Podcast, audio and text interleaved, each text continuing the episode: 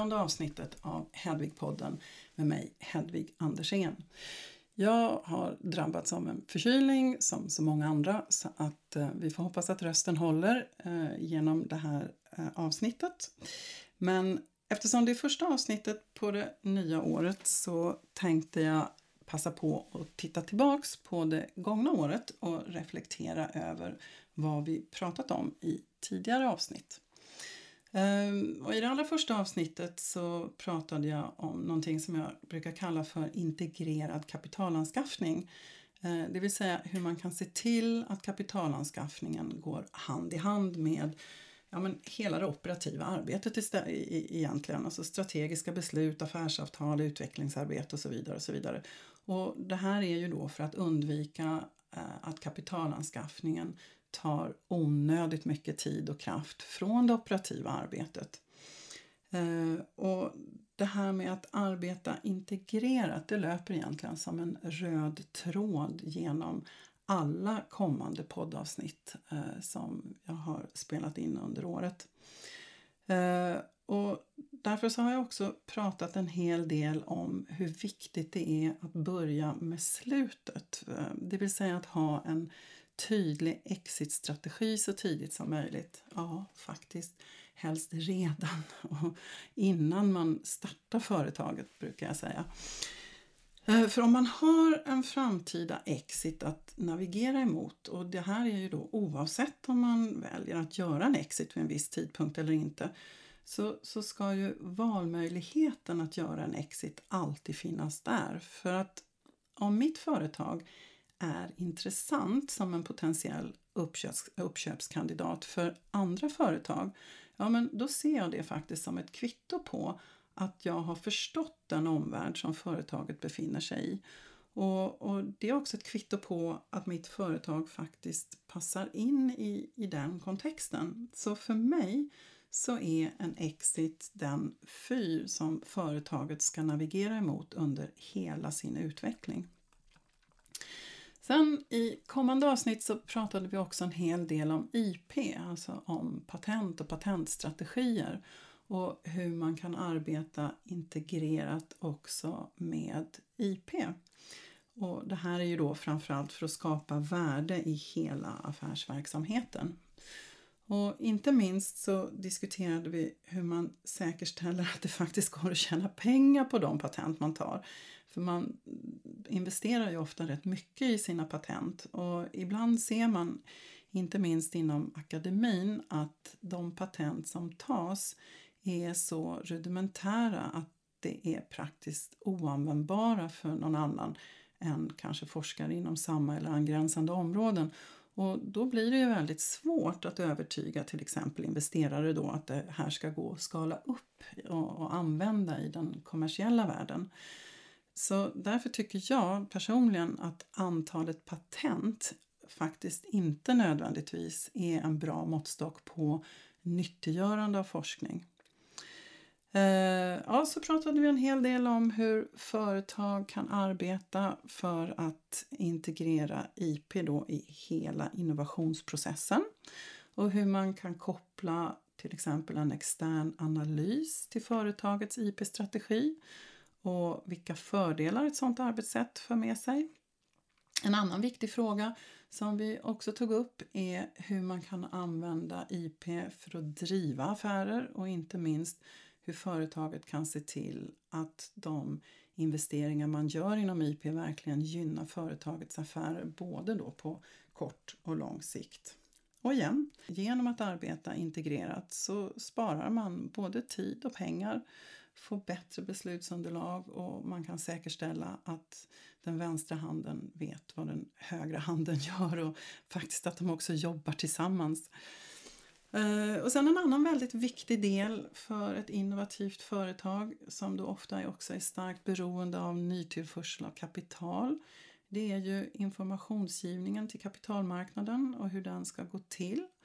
Vilken information ska man ge och framförallt hur säkerställer man att man förmedlar en rättvisande bild av företaget och av de risker som är förknippade med en investering när man vänder sig till investerare.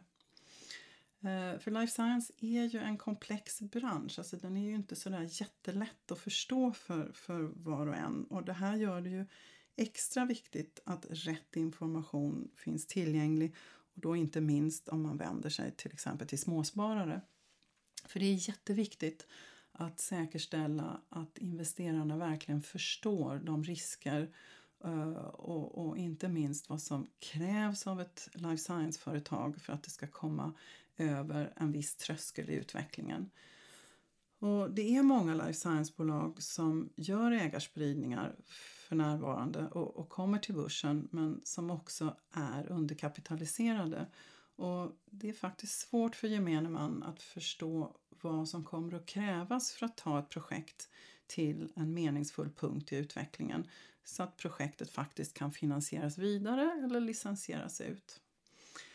Eh, och Sweden Bio har därför tagit initiativet till ett policydokument eh, som ett komplement till de officiella prospektreglerna som, som finns.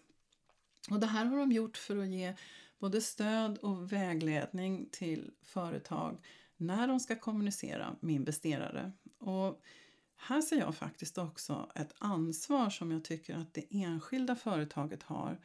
Eh, alltså inte bara gentemot sina egna investerare och småsparare utan faktiskt också mot hela branschen. För finns det en tydlig och transparent kommunikation eh, mot marknaden eh, där investerarna känner att de kan fatta väl avvägda beslut som är baserade på en korrekt och balanserad informationsgivning så är faktiskt risken mindre att kapitalet ger sig av någon annanstans för att man blir besviken eller känner sig vilseledd. Och vi vill ju alla se att life science-branschen faktiskt frodas och att den kan fortsättningsvis också attrahera kapital för att utveckla bra projekt som både då eh, förbättrar livskvalitet men faktiskt också inte sällan eh, räddar liv. Eh, och som en slump så går också mycket av det här arbetet att återanvända inom andra områden för att eh, få ett effektivt företagsbyggande.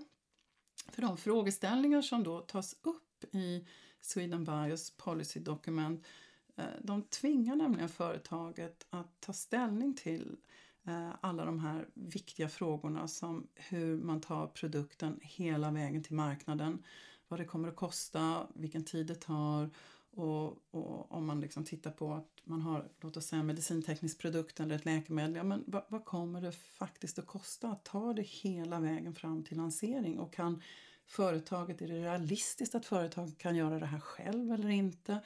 Och hur ser planerna ut för den här typen av lansering? Och svaret på de här frågorna är ju i sin tur då kopplade både till olika strategiska utvecklingsbeslut, eh, go-to-market-strategier, kapitalisering ja, och så vidare. och Så vidare. Så självklart kan man ju använda det här materialet eh, i många andra typer av eh, både extern kommunikation som årsredovisningar och, och sånt eh, men också i, i det interna arbetet och, och för att ta fram liksom bra beslutsunderlag. Eh, och det här policydokumentet det hittar ni både på Swedenbios hemsida www.swedenbio.se eller i anslutning till podden på min hemsida www.torsen.se. Och i poddavsnitt nummer sju ursäkta, i poddavsnitt nummer sju då intervjuade jag Adam Kostial som är noteringsansvarig på Nasdaq för Norden och Europa som också har varit involverad i framtagandet av eh, det här policydokumentet. Och Adam han pekade på en trend eh, som visar på att life science-bolag kommer i allt tidigare skeden till börsen och, och, kanske kommer till börsen istället för att ta in venture capital, alltså riskkapital. Och bland de här life science-bolagen så ser man allt fler med tidiga projekt i pipeline och då har de ju självklart också en högre risknivå än de life science-bolag som har projekt i senare skeden och kanske också fler projekt i pipeline. Och kopplat till det jag sa tidigare om att kommunicera en rättvisande och balanserad bild till investerarna så blir det ju nu ännu viktigare för de här tidigare bolagen att verkligen belysa de risker som är förknippade med en investering eh, då till exempel i ett tidigt läkemedelsprojekt. Eh, för det är inte självklart för någon som inte är insatt i läkemedelsutveckling att faktiskt kunna bedöma det på ett rättvisande sätt. Ehm, och dessutom så tycker jag att det är viktigt att också kunna förmedla att de här bolagen faktiskt kräver mycket kapital för att driva sina projekt i mål. Så att befintliga investerare inte blir överraskade av att företaget kommer tillbaks till marknaden och ber om mer pengar och gör det kanske gång på gång. Eh, för resan till börsen handlar ju faktiskt om förtroende och det handlar inte bara om förtroende inför kapitalanskaffningen utan det handlar om förtroende över tid. Och sen i sista poddavsnittet för året så intervjuade jag Björn Odlander och Jakob Gunterberg på HealthCap eh, och de ser en utmaning i just de här underkapitaliserade life science-bolagen. Eh, och det är för att de får ihop bara en subkritisk nivå av kapital på någon utav eh, börsens mindre listor då. Och, och, när de gör det så sitter de ju liksom kvar med samma problem. Eh, och det här kan ju då bli problematiskt för, för hela branschen på sikt.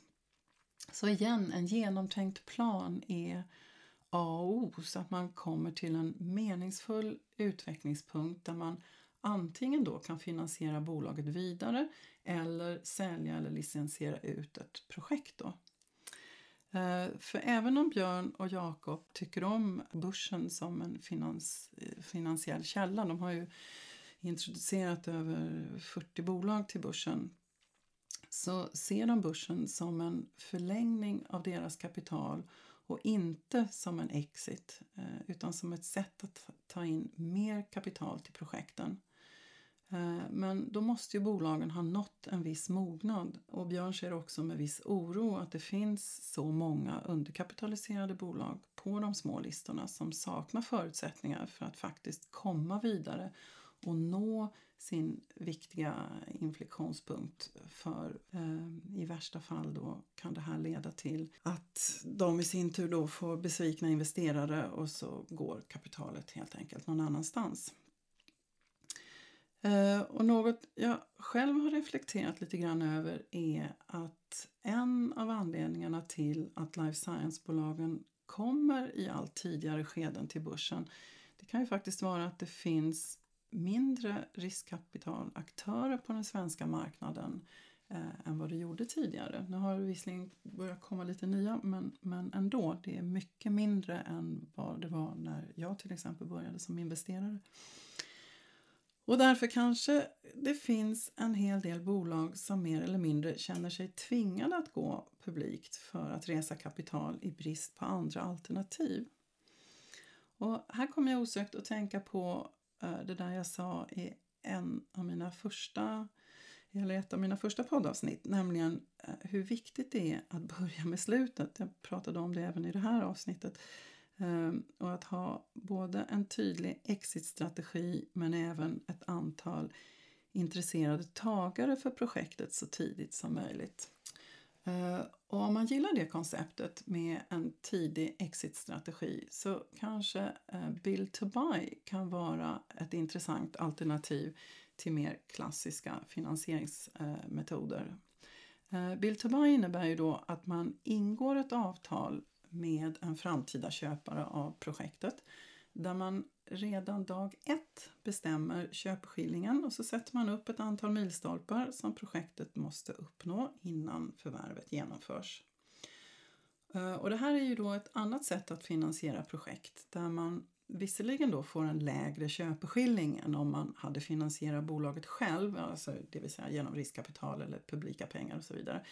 Men å andra sidan så har man en säker köpare av projektet redan ombord dag ett eh, under förutsättning då att man uppnår de utsatta milstolparna. Och dessutom så etablerar man en nära kontakt med en industriell partner eh, som också har ett intresse av att projektet lyckas. Så en annan fördel med, det här, eh, med den här typen av finansiering så är det ju också att det ger eh, Eh, en möjlig kunskapsöverföring. Man får in väldigt mycket industriell kunskap in i projektet tidigt.